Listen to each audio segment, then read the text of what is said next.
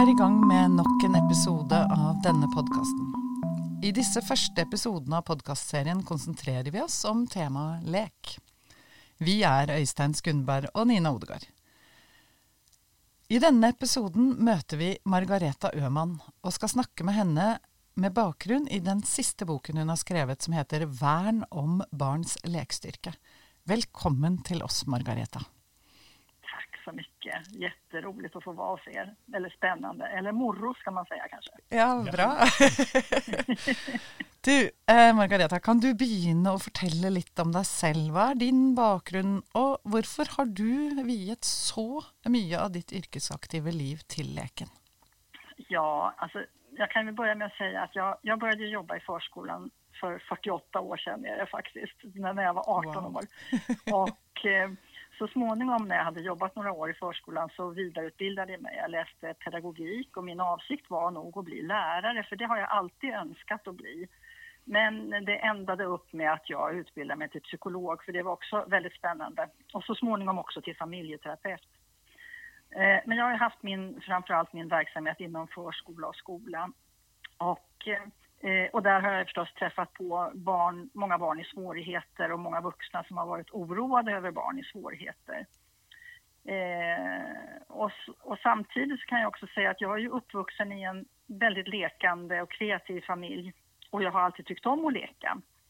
För jag tänker att det är ett sätt att vara tillsammans på som öppnar upp både för nya tankar och idéer och möjligheter och att vara skapande och att det också leder till ja, vad ska vi säga, det leder till en fördjupad kontakt.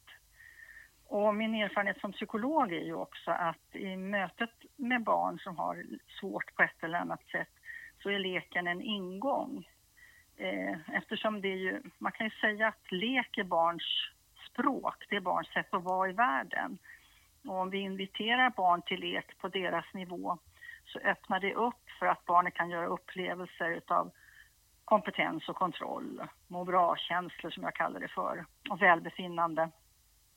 Och just den här självbestämmandet och samhörigheten bidrar till att barn helt enkelt växer och blir sig själva, kan man säga. Eh, och det var ju också mötena med, med alla många barnen i förskolan och i skolan som fick mig att intressera mig för barnkultur. Så ovanpå mina examina som familjeterapeut och psykolog är jag också barnkulturvetare. Och det är nog den bästa utbildning jag har fått. För då har jag fått lära känna barns egna uttryck på djupet.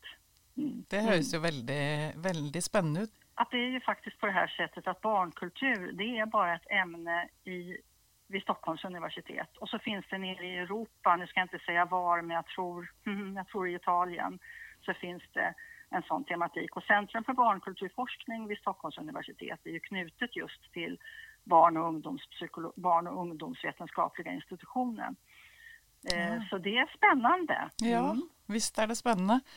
Du, mm. eh, boken din heter ju Värn om barns lekestyrke på norsk. Då.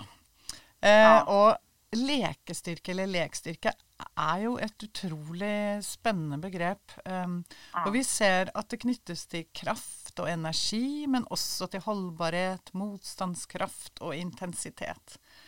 Kunde inte du fortalt oss lite mer om vad lekestyrke, vad du lägger i lekestyrke och varför du tänker att det är så viktigt att vi brukar detta begreppet? Ja, det jag tänker är att eh, man talar ganska allmänt om barns lekkompetens och lekfärdigheter och lekförmåga. Och då förlägger man ju det här Eh, ja, delvis så förlägger man det inuti barnen som någon slags förmåga eller brist på förmåga. Och de här begreppen, kompetens, förmåga och färdigheter har ju också, tänker jag, en tankestyrande funktion. Så de leder oss i tankeriktningen att barn behöver öva och träna lek för att utvecklas. Och jag menar att det är inte så. Man kan inte öva sig i lek eller träna på lek för då förlorar man lekandets kvalitet. Istället så menar jag att om vi säger att lekandet är en styrka, lekstyrka som finns hos alla barn och som alla barn äger. De lever den och de gör den utifrån sin position och, och sina möjligheter. Då blir ju vår uppgift att värna och stötta att barnen får äga och leva och göra lek. För jag tänker så här att det är inte genom att träna och öva lek som leken och lekstyrkan växer, utan det är genom upplevelserna av att få vara lekande som lekstyrkan växer. För när vi är lekande, då känner vi oss också kraftfulla och starka och energiska, energirika. Och då går vi också ut ur lekandet med de här kvaliteterna, de här upplevelserna på våra näthinna eller snarare, snarare i vår hjärnbark eller vad man ska säga. Och det, för det sätter ju kraftfulla minnesspår hos oss. Och på det sättet så tänker jag att eh, lekstyrka, begreppet lekstyrka, det talar just för det här att det är någonting som man äger själv.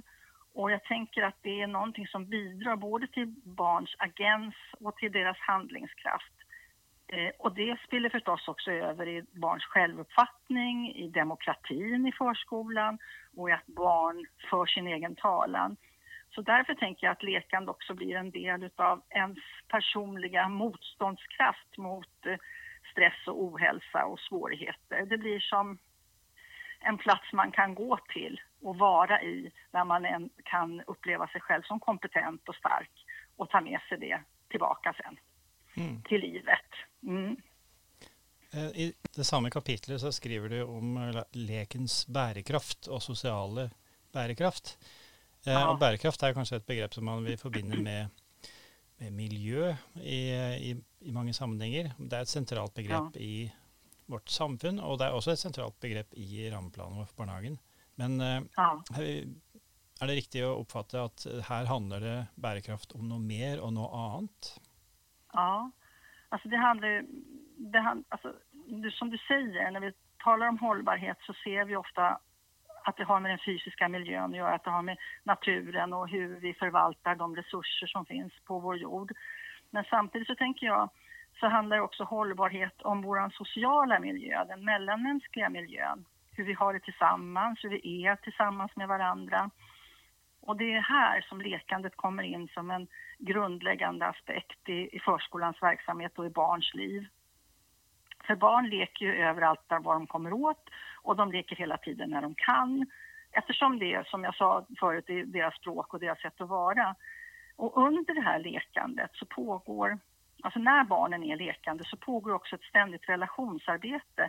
De förhandlar med varandra och, eh, och de eh, gör upp om vem som ska bestämma och vilka roller och vad man har för möjlighet att uttrycka sin röst i lekandet. Och därför tänker jag att lekandet är som en slags demokratiarena för barn där de undersöker begrepp som gemenskap, solidaritet, tolerans och delaktighet och inflytande ja, och alla möjliga andra eh, begrepp som vi kan relatera till demokrati. Och därför är det så viktigt att vi som vuxna i förskolan inser att samspelsklimatet eller lekklimatet är av stor betydelse och att det är vårt ansvar som vuxna att skapa ett öppet och tolerant lekklimat där barn kan pröva ut och utforska mellanmänskligheten så att säga tryggt och säkert.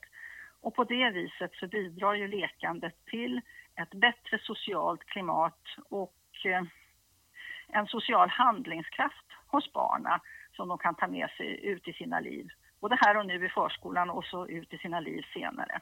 Men samtidigt så tänker jag att eh, eh lekandets hållbarhet handlar också om en slags inre hållbarhet i själva lekandet genom att den som är i en lek, alltså leken håller liksom kvar barnen in, inuti lekandet. Och om det skulle hända någonting runt om som hotar att störa eller avbryta lekandet. Man kan säga att lekandet byter skepnad men fortsätter. För det är ju roligare, det vet vi ju alla, det är ju roligare att fortsätta med leken.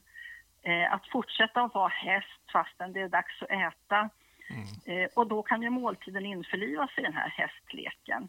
Eller på en mera komplex nivå.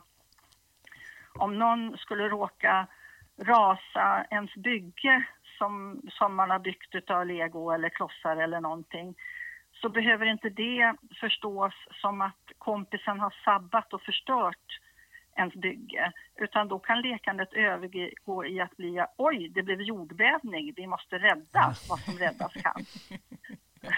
ja. och på det här sättet tänker jag att lekandet kan bidra till eller bidra. Lekandet ökar barnens tolerans för det oförutsedda och deras förmåga att positivt omtolka de här potentiellt hotande situationerna.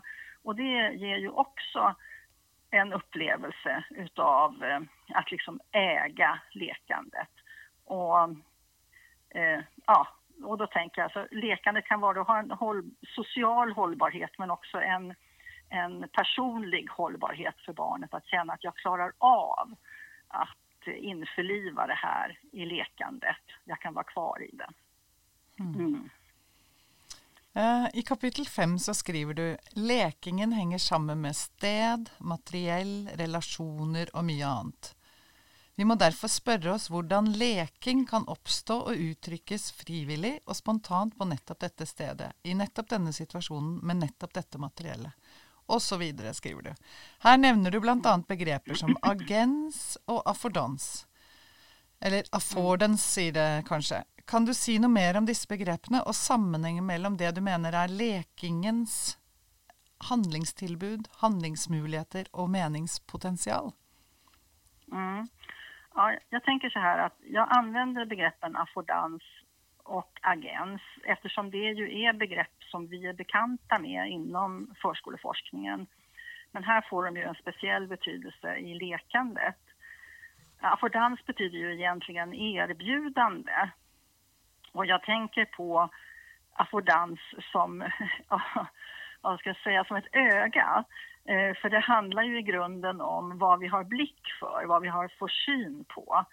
Eh, och då kan vi ju fråga oss, har vi öga för kombinationsmöjligheter eh, så att vi kan, ja, hur ska jag säga då? Alltså har vi, har vi öga för, för hur det skulle kunna gå att kombinera material och miljöer och saker och föremål på olika sätt så att det blir inbjudande för barnen. Mm. Eh, och det här handlar förstås om, om, om en sån här, någon slags open mind och det handlar förstås också om någon slags eh, aspekt av kreativitet. Och vi kan se på det här ögat från två håll. Vi kan titta på, på oss själva, alltså hur vi som vuxna kan skapa och arrangera miljöer och rum och material som bjuder barnen på rika möjligheter att använda sina ögon och bli lekande. Eh, och dels kan vi se på den utifrån hur barn kan få öga på möjligheterna. Eh, mm. Och där får vi ju tänka både att vi ser till att det finns handlingserbjudanden som står öppna för varje barn och att varje barn ska få möjlighet att upptäcka och göra sina egna nya unika kombinationer och på det sättet bli lekande. Och vi vet ju faktiskt att det är på det sättet att det vi uppmärksammar, det vi ser, dit vi riktar vår uppmärksamhet, det blir också barnen bra på att uppmärksamma, för de lär sig ju av oss hur vi riktar våra blickar. Ehm, mm. Och jag tänker det andra begreppet, agens, eh, det handlar ju om vilka möjligheter att vara handlande och aktiv som de olika barnen har i lekmiljöerna.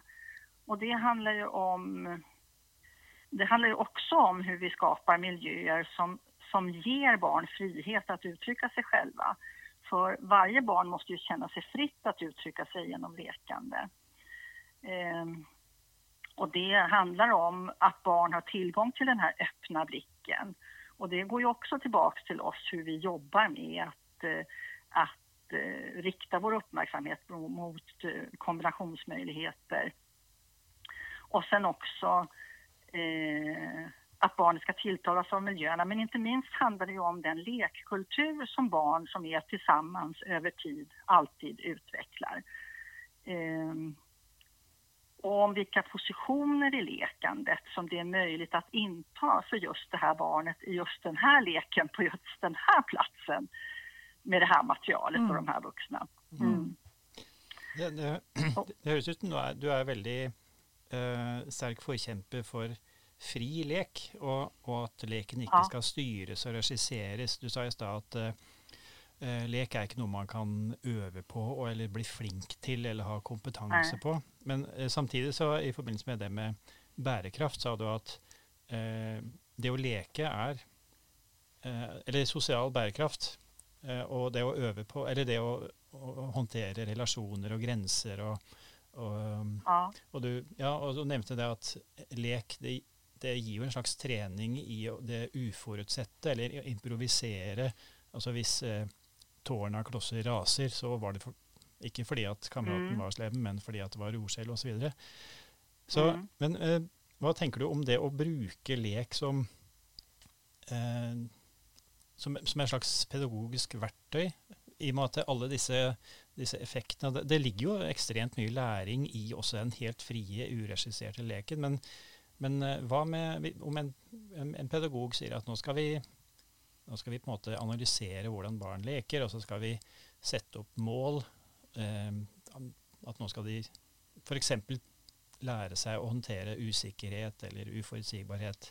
Hva ville vil du sagt til det, hvis man, hvis man ble fristet da, til å bruke det enorme potensialet som ligger i leken Ja. til å, å oppnå bestemte Alltså, det är resultater? Ja, det är jätteviktigt tänker jag. Alltså, för då kommer vi ju in på, då ser jag två ingångar till, till det här som du pratar om nu, eller frågan du ställer. Alltså, det ena är att vi måste fundera över hur vi, vi måste fundera över hur vi förhåller oss till barns lek. För vi förhåller oss ju alltid till barnens lekande på något sätt.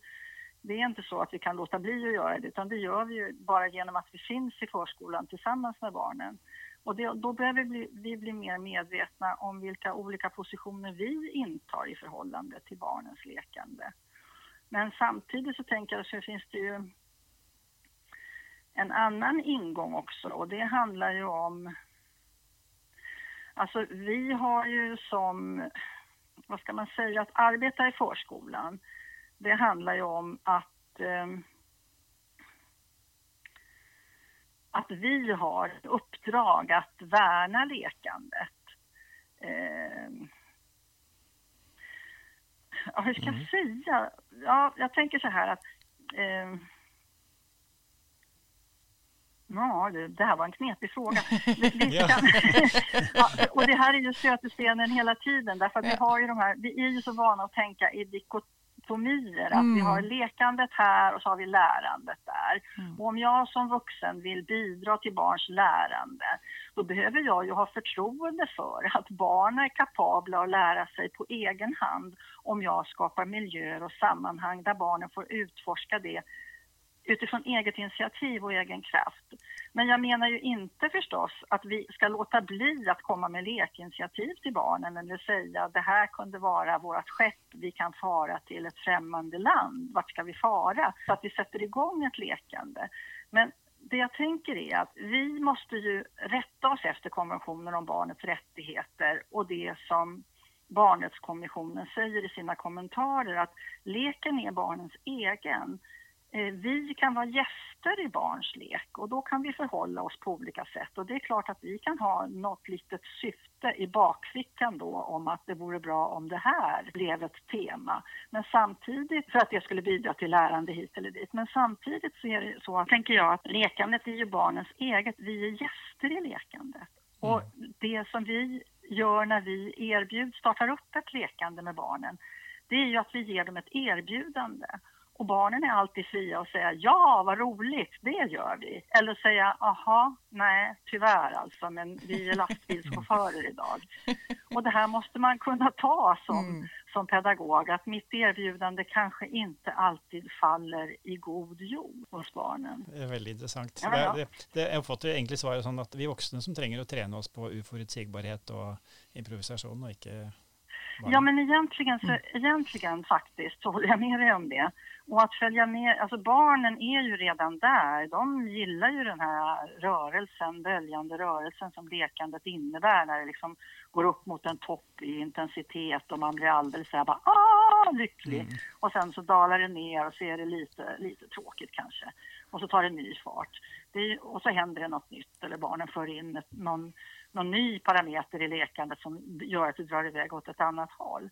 Eh, och det kanske vi behöver lära oss att vara mer förberedda på, att man vet inte på förhand var det slutar någonstans. Ja, Utan, samtidigt, om vi har då respekt för att, det, att lekandet är barnens egen arena, att det är de som har rätt att själva initiera, själva strukturera och kontrollera processerna och aktiviteterna, då får vi en mer ödmjuk hållning. Mm. Egentligen är ju konventionen om barnets rättigheter ett väldigt radikalt dokument som ifrågasätter en traditionell vuxenposition. Vi var ju inom detta med agens och affordans och då snackar du ju om ja. vad det bidrar med eh, för möjligheter till barn att leka. Men eh, jag tänker ja. också, och du känner ju lite av min bakgrund, men jag tänker också att mm.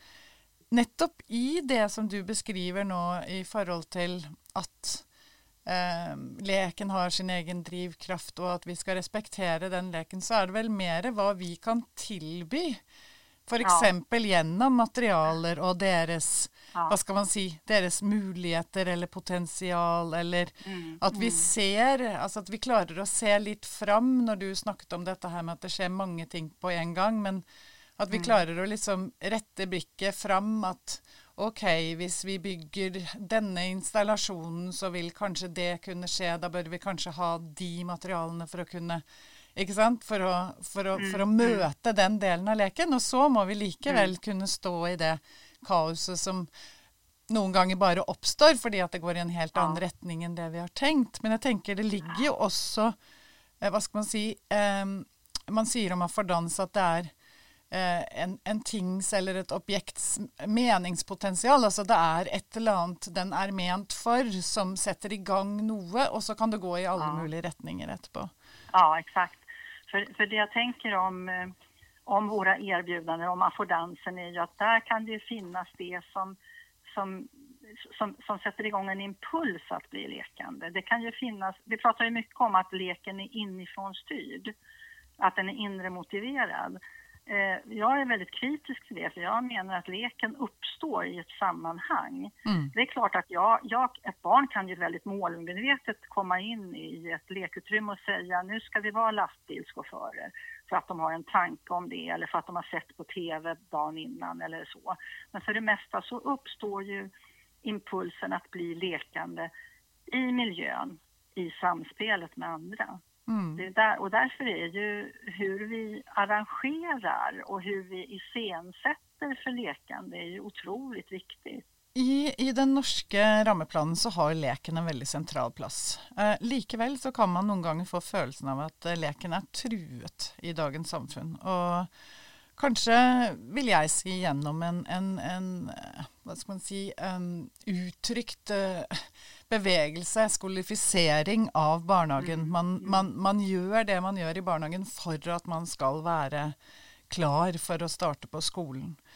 Uh, I ditt ja. kapittel 7 så skriver du om olika trusler som du uh, er opptatt av. Kunne du uttrycka något om detta begreppet leking som du mener kan virke som en motkraft till dessa truslene mot lek? Ja, eh, jag tänker att eh, jag använder begreppet lekande därför att det vanliga ordet lek, det är ju så allmängiltigt så det kan betyda allting och därför så kan det också betyda ingenting. Mm. Och då blir det ju förvanskat och det, blir, och det kan bli kommersialiserat eller banaliserat eller idylliserat. Och, och då menar jag att eh, det är väldigt vanligt också att vi tänker på lek som en aktivitet, vilket det i och för sig också är, men det är så mycket mer än en aktivitet. Eh, jag tänker också att det är viktigt att vi är normkritiska och granskar våra föreställningar och olika sätt att tänka kring lek och lekande så att inte det här förflackas. Så därför har jag introducerat begreppet då leking som ni säger på norska men på svenska heter det ju lekande. lekande. Mm. Ja, och det, och det har ju då referenser både till um, psykoanalytikern, barnpsykoanalytikern Donald Woods Winnicott som säger, han säger så här att varandet kommer alltid före görandet. Och det innebär ju alltså att för att barn ska kunna göra lekande på egen hand så måste de ha många upplevelser av att vara i lekandet tillsammans med någon. Han säger också rent ut att för att kunna bli lekande måste barnet först ha blivit lekt med av mm. någon mm. annan. Alltså att vi vuxna är de som introducerar lekandet med barn och kamraterna förstås också. Mm. Så hans varande eh, inspirerar mig till begreppet lekande men också Carla Rinaldi eh, i, eh, från Regio Children, hon talar ju om lyssnandet som en hållning, inte en aktivitet. Och det har ju gett upphov till det som vi kallar för lyssnandets pedagogik. Så det jag vill göra med begreppet lekande är att lyfta bort det ifrån det allmänna lek och lyfta fram det särskilda som sker när vi går in i lekande, i lekandets tillstånd eller rum, själva eller tillsammans. Mm. Och att det att vara lekande, det är ett särskilt sätt att förhålla sig till verkligheten och ett särskilt sätt att relatera till andra människor. Alltså en hållning. Man kan tala om en lekande hållning och en lyssnande hållning och en varande hållning kanske. Och jag tänker så här att med en sån förståelse av lekandet eh, och när vi verkligen accepterar barns rätt till lek, då kan vi själva bli mer medvetet och aktiva i vår hållning så att den verkligen värnar och främjar varje barns lekstyrka. Mm. Så det är så jag tänker mm. om lekandet, att vi behövde ett, ett nytt begrepp som inte är så belastat som det att leka är. Du har ju allerede gjort oss en stor tjänst med en, en liste som är bakerst i boka, en lekens egen rammeplan. Eh, og der ja. er det stort register med lekeordliste, og det er jo en gave til alle som jobber som barnehagelærer, og oss som jobber som barnehagelærerutdannere, for der blir leken veldig fremhevet. Og for, mm. Eh, for, mange som både jobber i feltet, og som både studerer og utdanner innen barnehagepedagogikk, så, så er jo litt av problemet at det er veldig mange forskjellige teorier om lek, og det er veldig mange måter å forstå det, og ikke minst mange normative oppfatninger om lekens hensikt og funksjon, og hva man kan bruke. Ja. Eh, men det, det, er jo nettopp det vi, vi snakker om i denne podkasten, alle de, de, forskjellige måtene å tenke om lek på. Ja, Men har, du, har, du, noen tanker om hvordan studenter og barnehagefolk kan orientere seg i alle de ulike måtene å tenke om lek? ja, ja, det var ingen lätt fråga. Men, men, men jag tänker så här att, eh, att eh, som student eller som, som personal i förskolan så måste vi, vi måste jobba från två håll samtidigt. Alltså dels måste vi jobba uppifrån och ner. Det vill, eh, vi tar till oss eh, ett sätt att tänka kring lek och så ett annat sätt att tänka kring lek. Och sen tittar vi efter om, om de kan appliceras på vår verklighet tillsammans med barnen och bredda och fördjupa vår förståelse och också bidra till att barnen får mera möjligheter att bli lekande. Men samtidigt så får vi jobba nerifrån och upp, alltså att vi utgår från vår egen vardagsverklighet tillsammans med barnen, närgranskar barnens lekande och analyserar vad är det barnen så att säga säger i sitt lekande? Vad är det de är upptagna av? Vad betyder det för barnen? Och kanske kommer vi på den resan upp med några egna lekbegrepp på kuppen som kan hjälpa oss att eh, nyansera och förstå lekandet bättre. För min erfarenhet, alltså jag vet inte hur många lekutvecklingsarbeten jag har varit involverad i genom de här många åren, men en av de viktigaste förutsättningarna för att vi ska bli framgångsrika när vi vill främja barns lekstyrka är att vi har ett någorlunda gemensamt lekvokabulär. Om det sen kommer uppifrån en teori eller från vår egen praktik har inte har inte så stor betydelse. Det bästa, det är farligt att säga så, men, ja, ja. men, för det har, ju, det har ju visst det. Men jag tänker att om vi har ett eget begrepp som vi är överens om så kan vi använda det och så kan vi leta oss vidare för att nyansera och förfina våra begrepp. Men vi ska inte börja med det allra, allra massigaste och största eh, utan vi börjar med några få lekbegrepp som mm. vi kanske kan eh, använda oss av i vårt arbete med barnen och för att förstå vad det är de gör och vad det betyder för dem.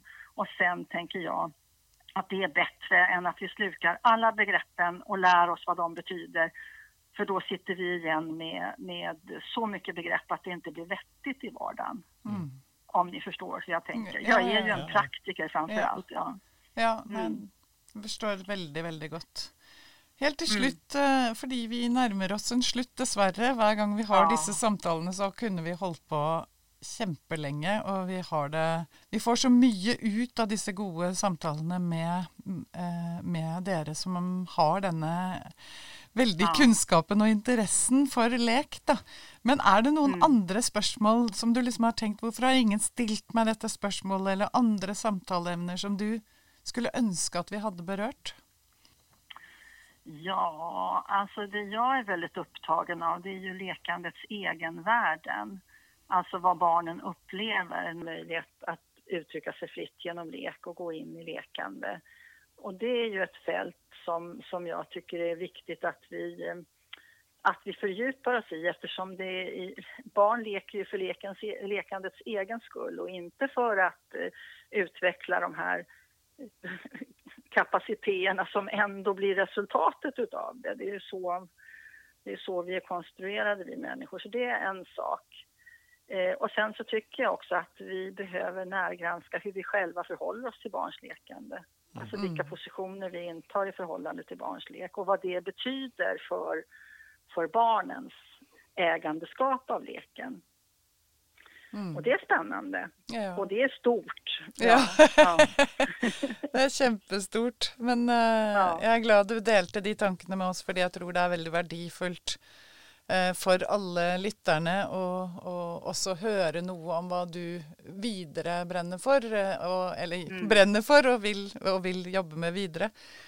Mm. Um, da er det på tide å avslutte denne samtalen. Det er Øystein Skundberg og Nina Odegaard som har hatt denne podkastepisoden sammen med Margareta Øman, og vi har snakket om vern om barns lekestyrke. Tusen takk, Margareta, for at du ville være med oss i dag.